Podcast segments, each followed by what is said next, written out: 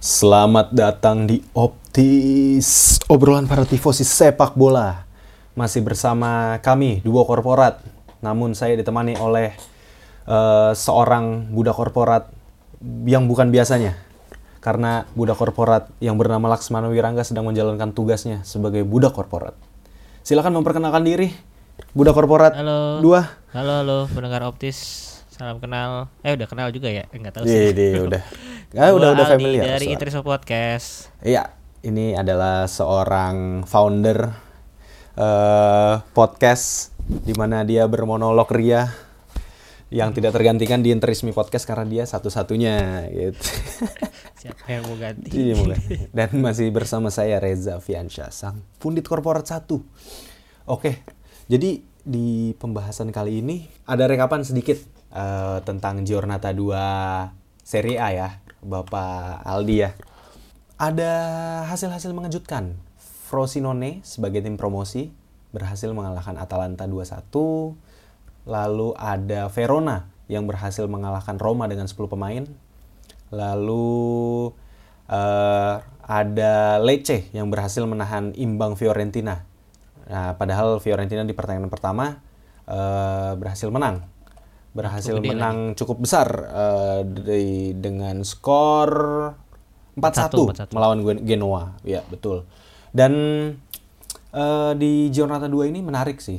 Eh, ada ada yang paling menarik, tapi sebelum kita masuk ke sana menarik karena eh, akhirnya Matteo Retegui berhasil membuka eh, gol, menciptakan gol di Ya, Serie A. keren golnya ya. Keren golnya ya. Semoga ini be- bisa berlangsung seterusnya karena dia adalah salah satu striker yang saya pilih di Serie A Fantasi milik saya.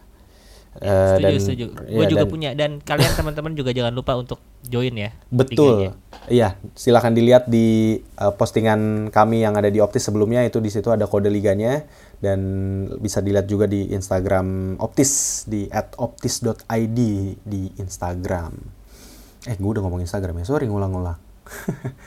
Oke. Jadi untuk tim-tim besar tuh masih berhasil ya eh, mempertahankan kemenangan ya, Bapak Aldi ya. Ada Milan Iya, yang menang 4-1, eh, lalu ada Inter yang menang 2-0, Napoli menang 2-0, eh, lalu tim besar lain Monza, Monza tim besar menurut kami, Optis eh, Empoli menang 2-0 melawan Empoli. Oh, saya lupa ada satu tim besar, Bolonya berhasil menahan imbang Juventus. ya, salah. Salah narasi. Iya, Juventus sayangnya gagal mencuri kemenangan melawan Bolonya. Tertinggal dulu ya, tertinggal dulu. Ya. Eh, namun berhasil dibalas eh, dari oleh Dusan Vlahovic memanfaatkan umpan manis manja dari Iling Junior. Miling Junior. Dan di Betul. pertandingan di pertandingan itu Pogba juga akhirnya main lagi Pogba setelah akhirnya. Iya betul. terakhir main tuh bulan Mei setahu gua. Ya. Dan musim lalu itu dia cuma main 161 menit total. Ada itu yang match 90 dikit menit. banget ya, nggak berarti nggak nggak ada dua pertandingan itu hitungannya 90 tambah 90 Nggak ada. aja Dan 100 main rata-rata jadi sebagai pengganti 15 menitan doang gitu. Iya benar-benar dan Pogba masih punya touchnya, masih menunjukkan kelasnya. Kebetulan saya nonton. Eh, lalu Inter sebagai tim yang belum terkalah, eh sorry, ia belum terkalahkan dan belum kebobolan. Ini adalah doa saya kepada eh, Inter Milan agar Jangan ini di-jinx jinx ya, dong. di jinx ya biar pertandingan berikutnya mulai kebobolan banyak kalau bisa. Nah, eh, nah buat teman-teman kalau misalnya mau mendengarkan lebih lengkap eh, update dari Giornata kedua, bisa mampir ke channel YouTube-nya Pin Sport. Eh, itu kebetulan episode kemarin saya ya saya mendapat kehormatan diundang di sana menggantikan Bapak Rangga yang biasanya mengisi Debut di ya? sana. Saya debut kayak Dede Dede Nugent sih, debut deh kayak Gue K-pop juga idol. debut kemarin. Nah, Gue debut jadi betul. host tapi masih kaku. Sorry guys. asli asli tapi tapi seru loh pak seru seru ada ada yang Iya. komen tadi gue baru lihat kayak hostnya ini aja bang botak mah ngeselin parah banget netizen Masa sih? asli lu baca deh itu gak bohong gue Iya. Aku jadi GR sendiri nih. eh di di di di, di. Gue yang yang yang yang ngakak sih ini. Ini ini out of topic bentar aja ya. Gue sorry ini Hmm, bentar slow, aja. santai. Yang yang yang eh, komen baju lu kebalik page-nya. nah itu dia maksudnya saya sih sih tidak memperhatikan segitunya ya pak ya Iya. asli Dan kan yang lebih lucu lagi itu ars asli dibeli di Milan di Store. Milan Store di Di Italia. San Siro Store, sorry. Ah, San di Siro San Siro. Store. Kok Jadi- bisa-bisanya ya? Nah maksudnya mohon maaf nih kalau misalnya bisa jadi orang sononya yang terbalik pak masa iya, tapi iya, karena masa sih less likely lah Iya maksudnya ini kan eh, kita beli bareng ya. Gue Iya, beli iya. yang di Marco, lu Benacer, gue Inter, lu Milan. Iya. Ini dibeliin Bapak Rangga yang Betul. lagi ke Milan waktu itu ya. iya betul Ini gue nggak tahu si Rangga belinya di Milan di Inter terus makanya di Milan disalahin sengaja gitu iya bagaimana? kayaknya kayaknya itu bisa jadi tuh gua nggak tahu pokoknya itu Karena- nggak maksud flexing tapi alhamdulillah itu asli belinya di sana ada tuh Iya. logo tempelan officialnya gue masih ada Iya. yang masih gue simpen nih karena Nih, jarang-jarang karena kan eh, itu kita belinya eh si Rangga belinya bener-bener di San Siro Store ada ada footage-nya. Nah, kalian kalau yang mau nonton eh, atau dengerin cerita lengkapnya Rangga ke Milan bisa dengerin di YouTube-nya Optis ya. Nah, yang akan nanti sebentar lagi tayang ya. Ya, betul, betul, betul. Terima kasih sudah memberikan tekanan kepada saya. Itu masih dalam proses edit teman-teman. Semoga teman-teman nanti ketika nonton bisa enjoy karena ya gua mengerjakannya dengan sungguh-sungguh walaupun dengan skill gue yang terbatas. Oke, gitu ya Pak ya. Jadi alhamdulillah kemarin debut kita berdua ya, Bapak sebagai host, saya sebagai eh, narasumber. Dan terima kasih netizen yang sudah komen. Jujur saya nggak tahu itu yang harusnya bener gimana. Itu gue sampai insecure, gue sampai nyari-nyari Pak. Ini patch Champions League gimana? Tapi bener di kanan sih. Gitu itu kan gue di Iya. kanan kan. Tapi ya udahlah. Kalau ternyata itu salah, kayaknya emang yang jaga toko fans Inter nih. Nah, dari pertandingan itu ada satu pertandingan yang mau gua sorot Pak di Giornata 2. Ini menarik nih. Jadi di pertandingan Napoli melawan Sassuolo itu ada kartu merah. Tapi ini kartu merahnya unik karena itu straight red card yang disebabkan oleh eh, perkataan pemain kepada wasit gitu. Itu kayak gue kalau ngelihat eh, kalau kalian temen teman-teman ngeliat cuplikannya itu kayak lagi lagi nyerang enak-enak bola lagi dipasing lagi digulirin gak ada angin gak ada hujan dia ngomong sama wasit terus ya udah kartu merah gitu tanpa ragu ya wasitnya ya. Nah, Ya. eh, menurut menurut lu Pak, itu apa yang dikatakan oleh eh, Maxim Lopez kepada wasit gitu? Hmm. Ini eh, kita jujur aja ya, kita nggak nonton full match ya 90 menit. Gue tuh mulai nonton setelah dia di kartu merah justru ya udah udah unggul 2-0 lah kalau nggak salah ya. Dan karena gue nonton highlightnya doang dia pas di kartu merah, gue sih ngelihatnya ya dari gestur, dari keputusan wasit itu emang bener-bener kalimat atau perkataan yang memang bener-bener istilahnya mungkin ya parah, insulting, udah ya kasar banget lah gitu ya. Ya. Mungkin ya, mungkin mungkin hal-hal yang sensitif di Itali juga mungkin ya. Mungkin eh, ya mungkin kayak di Indonesia bisa bapak lu PKI gitu atau kalau di sana mungkin bapak lu Nazi ya gitu. Iya mungkin mungkin hal-hal hal-hal yang kayak gitu ya karena wasit benar-benar nggak eh, nggak ragu gitu ya no hesitation Hmm. Iya, gitu ragu, pas no gua- hesitation, pas kita betul. lihat ya. Nah Dan eh, ini dan Maxim Lopeznya pun menerima, gitu kan Menerima. nggak nggak protes dulu kan. Iya. Kalau misalnya dia cuma bilang mata lu somplak ya paling nah gue cuma ngomong gitu sih Iya, lebay amat gitu kan pasti Iya, ada protesnya dia ini dong, langsung santai dia dong. menerima dan Iya. lari ke lorong menerima keputusan gitu benar benar. Jadi dia sadar bahwa dia juga salah di Hmm. situ ya. Nah eh jadi kalau misalnya gua baca-baca dari FIFA law of the game Law of the game, sorry, iya. Itu ada di Law 12 eh, false and misconduct itu di apa? Hukum ke-12 page 12 ya. Bab Ya. 12 eh, false and misconduct itu ada di eh, poin sending off sending off offenses gitu. Ini ada kalimat yang eh, eh, using offensive, insulting or abusive language and or actions gitu. Nah, itu tuh pasti jadi itu pasti law of the game FIFA ini pasti juga diserap, dipakai jadi patokan untuk FIGC itu bikin aturan tentunya ya. Jadi Betul, betul. jadi buat teman-teman jadi sending of offenses ini itu tuh antara lain ada poin-poinnya tuh ada denying the denying the opposing team a goal or an obvious goal scoring opportunity by a handball offense gitu ya. Jadi kayak ya itu handball yang disengaja gitu. Kayak kalau mau lihat contoh kayak Luis Suarez di Piala Dunia 2010 lawan Ghana. Nah, 2010. itu contohnya denying a goal or an obvious goal scoring opportunity to an opponent whose over movement is towards the offender's goal by an offense punishable by a free kick. Maksudnya kayak eh, sliding tackle. Nah, ini contohnya tuh kayak eh, Emma, eh, Ole Gunnar Sol- Solskjaer waktu nekel gue lupa Alan Shearer apa siapa ya Newcastle ya. Pokoknya itu dia di taking one for the team dah itu terkenal banget. Habis itu ada serious foul play, ya serious foul play misalnya eh, Aldi main bola terus dia ngegampar lawannya gitu ya pakai tangan atau Hmm.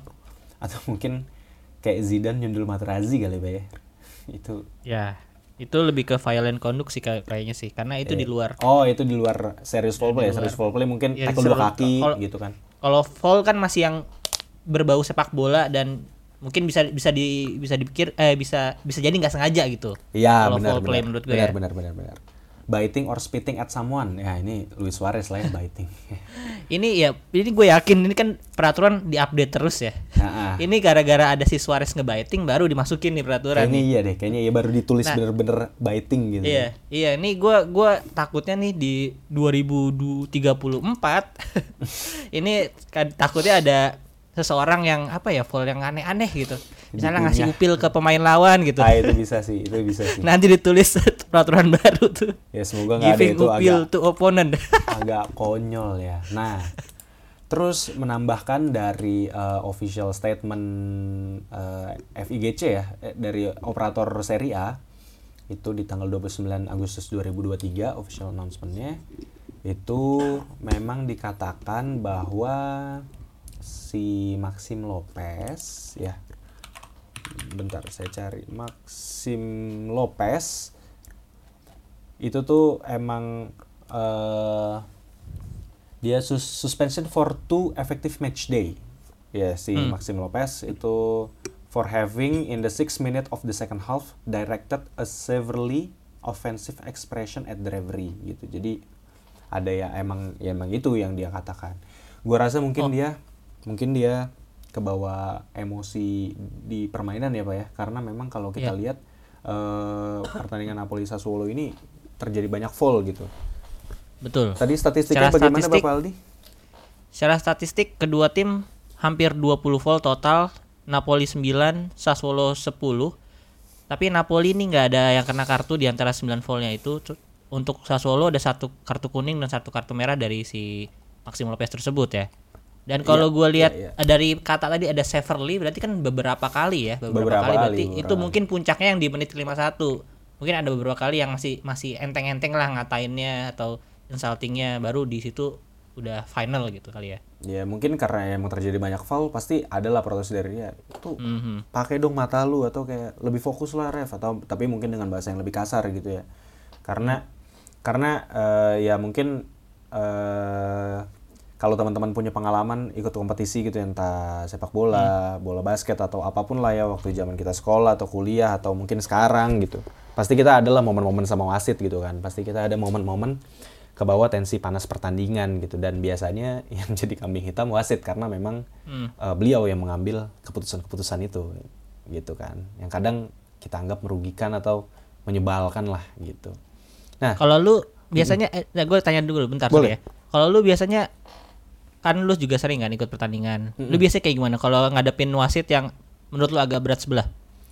gua gua ngadepin wasit yang berat sebelah alhamdulillahnya eh, nggak banyak ya pak ya. Tapi kalau misalnya gua ngadepin wasit yang berat sebelah kayak gitu jujur pelatih gue sih eh, nyaranin gua untuk tetap tenang gitu ya. Maksudnya eh boleh protes ke wasit tapi dengan kalimat-kalimat yang masih masih sopan gitu maksudnya ref tolong dong lebih fokus dong gitu. Itu tadi dia narik baju atau apa misalnya. Gue main basket sih gitu. Gue main basket. Jadi biasa kayak lu tau kan kalau orang main basket kan kadang suka jaile gitu tuh pak.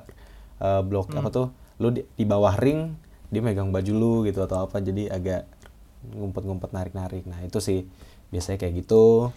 Terus Kalau juga ya lu harus main lebih bagus aja sebenarnya dari tim lawan lu. Cuma itu sih nah, senjatanya. expression yang paling parah yang pernah lu keluarin? Menurut lu ya, menurut lu? Ya gue melotot ke wasit gitu loh yang kayak apa sih kayak eh itu gimana? gitu. Sit gitu loh kayak sit ini gimana? Foul lah itu. Fokus dong gitu. Gue agak ngegas gitu. Biasanya Jadi gitu kata-katanya nggak terlalu yang kasar yang nggak yang ngatain atau gimana ya cuman Enggak yang, sih. ya segitu Enggak doang ya. sih. Iya gue Wah gue kalau nggak habis pak sama pelatih gue juga. Maksudnya Ya memang pada dasarnya kan sepak bola atau olahraga itu kan untuk kita respect Hmm. gitu kan Itu yang dikedepankan sebenarnya kan Ya. Ya Gitu kalau gua sih gue juga basket sama kayak lu, cuman gua rasa gua jarang eh, yang yang protes gitu juga karena gua ya ibaratnya ah, nggak terlalu inilah gua agak males berdebat gitu.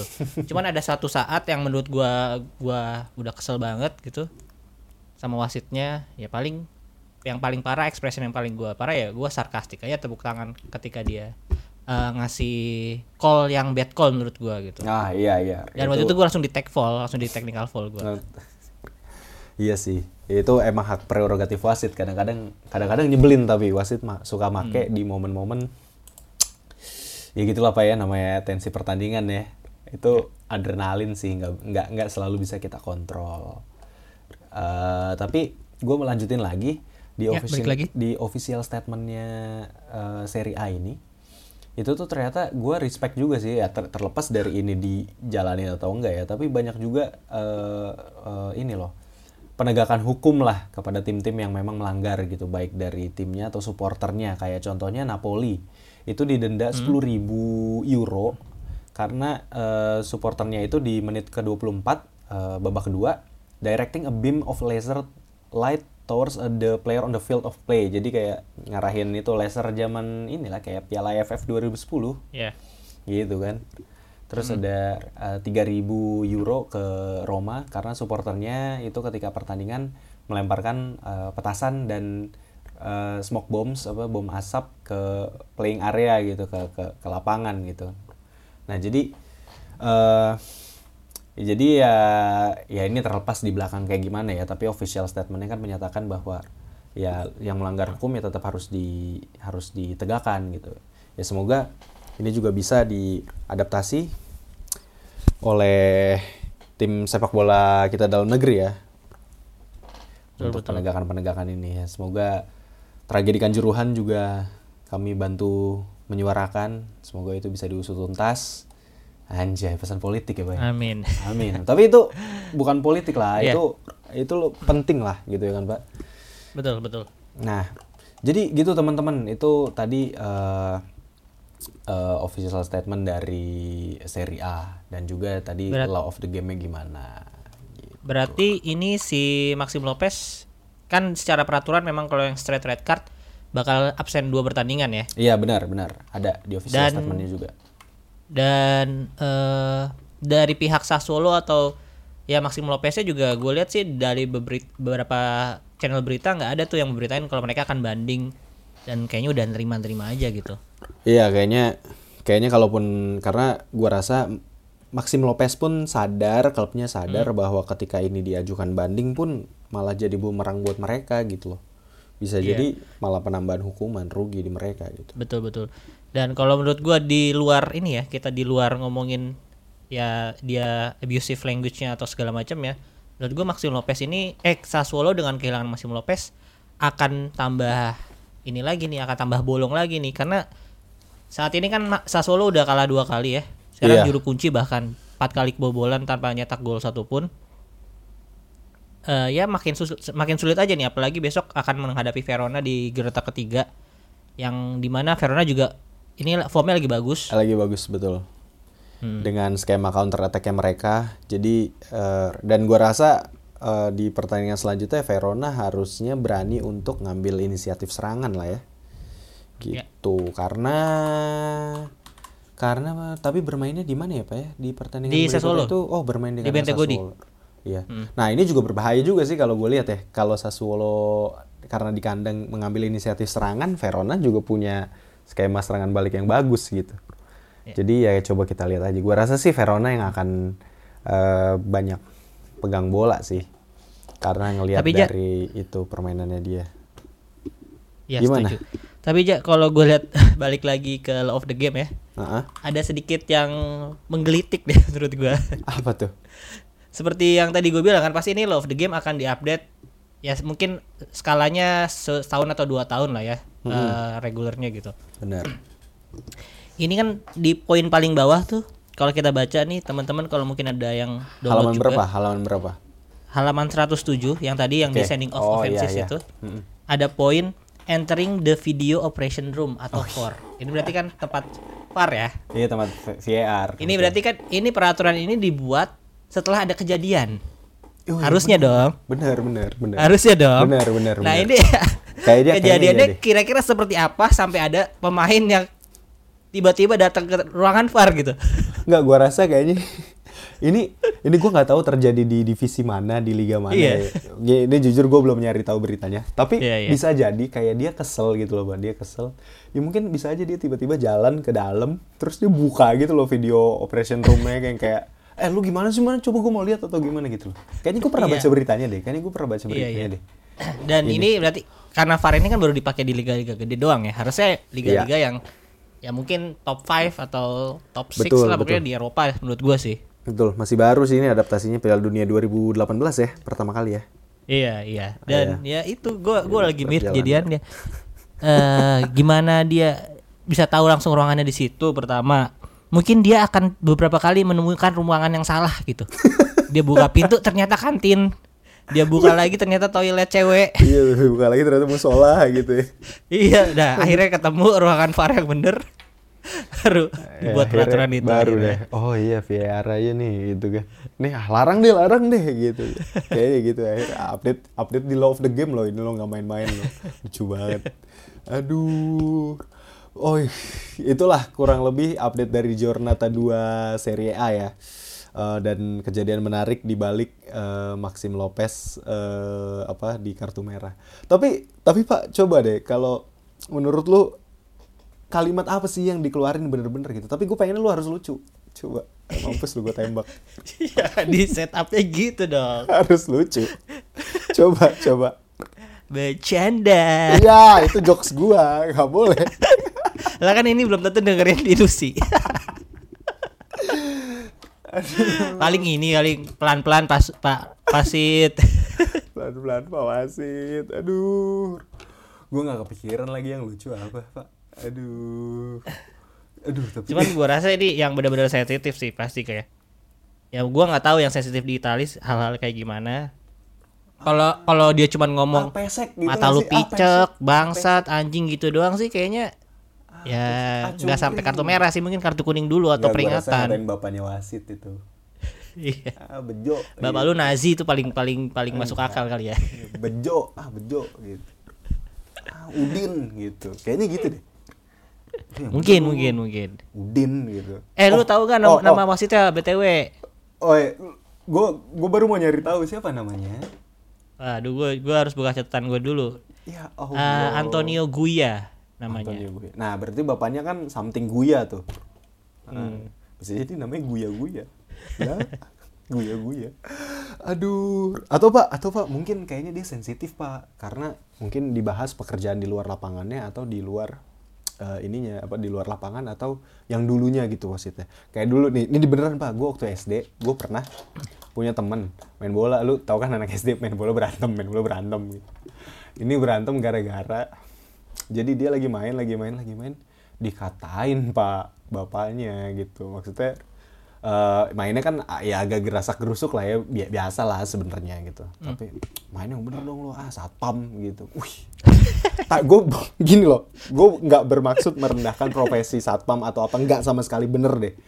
Tapi maksud gue itu kan ofensif gitu loh untuk orang itu maksud gue Iya. bisa jadi tuh dicengin gitu. Ah apa? gitu gitu maksud gue Iya bisa jadi berarti ya dia ngatain itu juga ya si Maxim pekerjaan Mm-mm, pekerjaan Si orang Anthony tuanya Gas gitu. sebelum jadi Iya, wasit ya. mungkin bisa jadi tuh maksud gue itu poin yang gue mau ketunjuk jadi teman-teman kalau ada pendengar yang punya profesi itu gue tahu pekerjaan kalian tuh berat gitu sebagai satpam sebagai security karena kalian tempatnya dosa dan kesalahan gitu ya. Kalian bohong dosa kalian negor atau apa kadang kalian yang salah gitu. Jadi atau nggak negor atau apa jadi salah gitu. Jadi gue ngerti banget sumpah gitu. Gue punya keluarga yang ada di profesi itu jadi santai. Jadi gitu pak itu itu wah itu dulu berantemnya parah pak asli. Diem dieman pak dua minggu pak. Lucu banget. Aduh oke gue move on ke topik selanjutnya yang mau kita bahas di podcast eh, kali ini di episode ini. Itu karena kita ngeteknya ini telat ya sebenernya ya. Wah produser kita sebenarnya udah marah-marah tapi sebenarnya ini blessing in di- blessing in disguise tahu kenapa karena kita tag-nya pas drawing Liga Champions ini paling update kita paling update berarti ya pak ya aduh jadi eh, hasil drawing Liga Champions dari grup A ada siapa aja bapak Aldi Ntar dong. Gue udah save tapi jangan langsung dong. Aduh. gue cari dulu. Ya udah grup Oke, A saya, oke, grup langsung, A saya, langsung. grup A saya, grup A Langsung, ada langsung. Ayo, udah, boleh. Munchen, ada Bayern Munchen, ada Manchester United, ada Copenhagen dari Denmark ya ini Galatasaray. Nah ini menurut Oke, grup B. Eh, aja- langsung. Oh langsung aja grup B, grup B, grup B ada siapa? Grup, Grup B, Sevilla, Arsenal, PSV sama Lens. Oke, grup C ada Napoli, Madrid, eh, Braga, dan Union Berlin. Grup D ada Grup siapa? D ada Benfica, ada Inter, Salzburg, Real Sociedad. Grup E ada Feyenoord, Atletico, Lazio, Celtic. Oh Lazio masuk ya. Grup F ada siapa pak? Masuk dong. Grup F ada Paris Saint-Germain, Dortmund, Milan, dan Newcastle. Di sini menarik ya. Gua nambahin dulu sedikit. Milan bakalan ketemu sama Donnarumma dan Tonali. Reuni Tonali. mereka. Oke, grup G ada juara bertahan Manchester City, eh, RB Leipzig. eh, ini bacanya gimana pak? Vena Zvezda. Ya. Oh, ini Red Star Belgrade nih, ya kan? Iya, Restart Belgrade-nya Red Star. Belgrade. Ah. Terus ada Young Boys. Grup H ada siapa? Ada Barcelona, Porto, Shakhtar Donetsk, dan Antwerp. Antwerp. Untuk Belgia ya. Belgia, Belgia. Oke. Ini kita singkat aja eh, karena Rangga nggak ikut tag, jadi kita nggak usah bahas Napoli dan Cancel lah ya. Ah, itu Aha. paling dibantai sama Madrid. Ntar. Enggak sih kayaknya Madrid bisa kalah sih, feeling gue ya. Tapi gue pengen bahas dari lu Inter dulu nih. Kira-kira lu Dari bakal, gue ya? bakal reuni sama Di Maria? Enggak dong, enggak reuni sama Di Maria. Di Maria kan pemain Juve. Reza, Reza. Eh, ini gue sempat cool tweet juga di ini tadi barusan di Twitter ya. di Twitter. Uh, kul- kuliah Twitter ya. Enggak sih, cuma dia nge- nge-thread aja lah, Itu tapi nggak enggak, banyak. Oke, oke. tapi itu bisa dilihat di mana, Pak? Coba sekalian promo. Di Interisme Podcast eh Interisme Media ya kalau di Interisme Twitter, kalau Instagram Interisme Podcast. Oke, lanjut lanjut. Ini opini gue singkat. Eh, pokoknya intinya nggak seperti tiga tahun ke belakang, in, di mana Inter tuh selalu ketemu sama tim-tim besar kayak Munchen, Barcelona, Madrid yang labelnya tuh calon juara ya. Musim ini Inter ketemu tim yang relatif di bawah Inter semua. Jadi mungkin ya paling paling Benfica yang paling agak berat ya, karena kemarin juga sempat ketemu kan di babak quarter final. Tapi menurut gua eh sorry. Yuk, yuk, lanjut lanjut. Menurut gua nggak bisa dibilang enteng juga nih grup D. Secara di atas kertas memang Inter lebih baik di antara keempatnya. Misalkan kalau gua kasih rating, mungkin ratingnya Inter 83 sedangkan tim lainnya di grup D itu mungkin 72 sampai 80. Selisihnya nggak terlalu jauh. Jadi kesem- kesempatan semua tim masih cukup berimbang. Ya, Nah, tapi buka- menurut gua imbangnya tuh bukan 25% masing-masing untuk lolos ya kesempatannya. Menurut gua Inter masih akan tetap lebih tinggi, mungkin 33%, Benfica 27, Real Sociedad 21, tipis di bawahnya ada Salzburg 19%. Nah, itu gue cuman opini mendasar, gua nggak ada maksud gua pesimis sebagai fans Inter. Tapi kalau menurut gua kalau Inter bisa fokus tiap pertandingan, nggak ada yang cedera, rotasi berjalan dengan baik, terus nggak ada faktor eksternal yang ganggu, gue yakin sih Inter bisa mastiin lolos. Bahkan sebelum game week 6 gitu, mungkin di game week 4 atau 5 sih. oke. Wah, itu luar biasa ya. Cukup cukup ini ya be- bermain dengan angka-angka ya Bapak ini luar biasa. Statistik statistiknya ditulis loh. Eh, probabilitasnya itu wah, gue. probabilitas sih itu. Wah, oke oke oke. Menarik ya. Jadi teman-teman gimana? Kalian setuju atau enggak? Mungkin nanti bisa ditulis di kolom komentar. Cia. Gila. Kayak kayak podcaster-podcaster handal nih. Oke. ya gua- btw karena Spotify sekarang udah bisa komen ya langsung Iya udah di bisa komen, ininya. benar-benar udah bisa komen dan juga bisa bikin Q&A dan lain sebagainya. Mungkin itu nanti akan gue bikin juga sih. Nah, gue mau bahas juga uh, Milan di grup F. Uh, Ini gue mungkin nggak serapi Aldi ngomongnya nih karena dia udah curang, dia udah bikin cool tweet tadi. Kalau menurut gue uh, Milan ada di grup neraka ini apa ya? Ada Paris Saint Germain, ada Dortmund, ada Newcastle. Newcastle sebagai kuda hitam tim kuat baru di Inggris Raga tentu nggak bisa diremehin. Uh, Dortmund kehilangan beberapa punggawa uh, kuncinya ya kayak correct me if I'm wrong ya dia Jude Bellingham ya kan itu Ya. salah satu yang keluar sorry gue nggak bisa nyebutin yang lain lagi nih gue langsung cepat Tahu tahu gue Rafael Guerrero juga Oh, tapi iya. gua nggak tahu jadi apa enggak. Rafael oke Guerrero. oke oke nah terus ada Paris Saint Germain kehilangan kehilangan Neymar dan juga Messi lah yang jelas. Messi. Ya, tapi tapi maksud gua gua rasa Paris Saint Germain ini akan berbenah lah gitu timnya eh, dengan penjualan mereka berdua gitu gaji eh, apa tuh untuk bayar gaji juga lebih murah. lebih ringan jadi harusnya bisa rekrut pemain-pemain yang eh, bisa menambal dan lebih cocok gitu ya di di untuk timnya mereka gitu. S- eh, menurut gua kans Milan di sini masih ada asal Milan fokus di pertandingan-pertandingan eh, awal-awal ya terutama di dua pertandingan awal menurut gue itu akan jadi penentu banget Milan eh, kansnya bagaimana gitu. eh melawan Newcastle tentunya nggak akan mudah. Ada Sandro Tonali di sana juga di lini tengah dan gue udah ngeliat betapa bagusnya Tonali bermain gitu. Tapi eh, mungkin beruntungnya Newcastle juga bukan tim yang eh, bukan tim yang DNA langganan- Eropa ya? DNA Eropa, langganan Liga Champions. Jadi eh, harusnya secara mentalitas Milan masih bisa mengimbangi bahkan mengungguli gitu. Begitu juga dengan eh, Borussia Dortmund itu gua rasa juga asal Milan bisa eh, tenang fokus bermain dengan skemanya nggak ke bawah permainannya Dortmund gitu ya. Eh, dan gue berharap sih di dua pertandingan ah, di di tiga pertandingan awal itu nggak nggak nggak bermain di kandang Dortmund dulu ya pak ya Eh, karena emang eh, Ya. apa sinyal Berat Iduna Park itu ini. angker banget gitu Ya. betul. Nah, gue agak pesimis ngelawan Paris Saint Germain sebetulnya, Eh, karena eh, kualitas materi pemainnya tentu di atas eh, kertas eh, mereka lebih unggul ya. Tapi kalau ngelihat dari eh, kebiasaannya Paris Saint Germain di Liga Champions, gue rasa bisalah curi-curi poin gitu. Ya gue berharap pembelian-pembelian Milan musim ini kan udah udah cukup nyetel nih, udah cukup memuaskan dan eh, tepat guna lah gitu ya, tepat guna kalau kata Bang Rossi box to box gitu. Nah semoga ini juga bisa berlanjut di Liga Champions. Paling itu sih. Kalau untuk yang lainnya ya udahlah nggak usah dibahas lah ya, panjangan nanti. Podcast Iya, kita. tapi mungkin singkatnya kalau kita ngomongin tim-tim Serie A ya, yang kan ada Napoli sama Lazio sisanya ya berarti. Iya. Kalau Napoli sisanya itu karena na- mungkin Real Madrid paling besar terus Braga sama Union Berlin. Gua Iya. rasa sih Napoli bisa eh, lolos di peringkat kedua. Lazio nih yang gua rasa masih akan ber apa ya? Tiga tim ini Feyenoord, Lazio sama Celtic tuh masih imbang banget gitu. Kalau satu satu tim kan udah pasti lolos menurut gua Atletico karena musim lalu dia nggak lolos kan ya. Dia kayaknya Iya. Bakal niat banget ngejar banget di ya. sini nih. Iya benar. Gue juga gue gua gua ngerasa Lazio kalau nggak cepat berbenah bisa jadi jadi eh, ini sih juru kunci di Iya. grup E. Iya, soal Sorry Feyenoord say kan gitu. juara Feyenoord juara juara Itu. Belanda tahun lalu. Ah, Jadi ah, itu dan di juga- sama Van, Van Nistelrooy ya pelatihnya ya. Iya, dan juga Feyenoord juga kan ngelangkah jauh di UECL kan? Eh, UEFA Conference League. Iya, mm. Iya, UEFA Conference League. Itu kalau nggak salah sampai semifinal ya Feyenoord ya. Kalah sama Roma. Eh, Roma bukan ya? Gue lupa juga kayaknya Roma deh. Kalah sama Roma. Iya. Iya. Correct Apa- me if I'm wrong iya. ya. Kayaknya Ah, Roma tapi. Kayaknya Roma.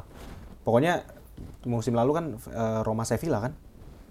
Itunya. Iya, finalnya. finalnya iya eh iya eh enggak pak musim lalu itu conference league Betul. Ini ter- conference league itu 2023 Oh, Europa League maksud gua, bukan iya Europa bukan League Europa League Europa League itu Oh, Europa League dia kalah sama Donetsk salah deh gua, sama, Sama Donetsk, Donetsk di ya? round of 16. iya iya benar benar benar oh iya itu kayaknya dua musim lalu deh Feyenoord yang di Hmm. semifinal WCL. Nah, jadi mungkin itu sih review singkat kita eh, terhadap tim-tim Serie A di eh, untuk apa? Grup stage draw Liga Champions.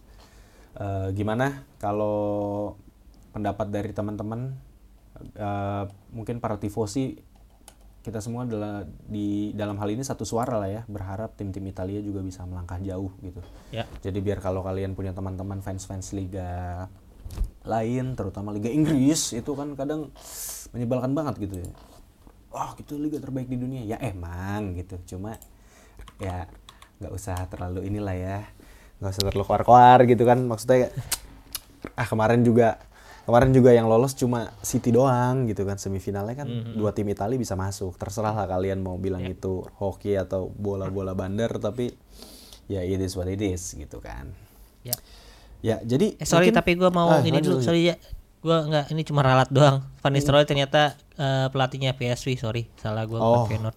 Iya, tolong itu harus diralat memang biar kita Iya. tidak terlihat ini Tidak Iya, terlihat iya. ngomong-ngomong asal-asalan gitu. Atau mungkin nanti bisa saya cut-cut saya edit-edit. Oke, mungkin itu aja kali ya Pak ya untuk episode Ya. kali ini.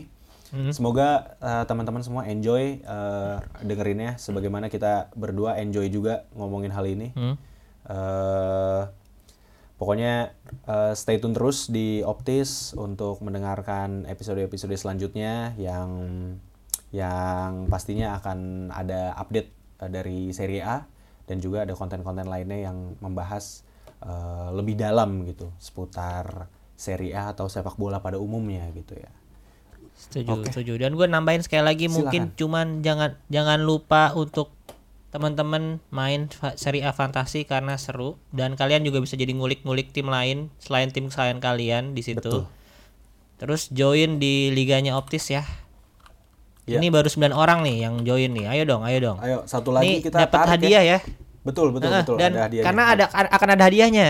betul. Hadiahnya betul tuh udah diumumin di Instagramnya Optis juga kan. silahkan di follow jangan lupa di follow ya teman-teman nah itu itu kalian bisa join di kode liga Y8 K3 Y4 6C oke huruf yang huruf yang huruf Y gitu itu kecil semua ya jadi silakan kalau mau ngelihat tinggal copy paste itu bisa di ini bisa di episode kita yang sebelumnya yang episode 2 season 2 episode 2 Ya, mungkin itu aja pembahasan dari kita kali ini.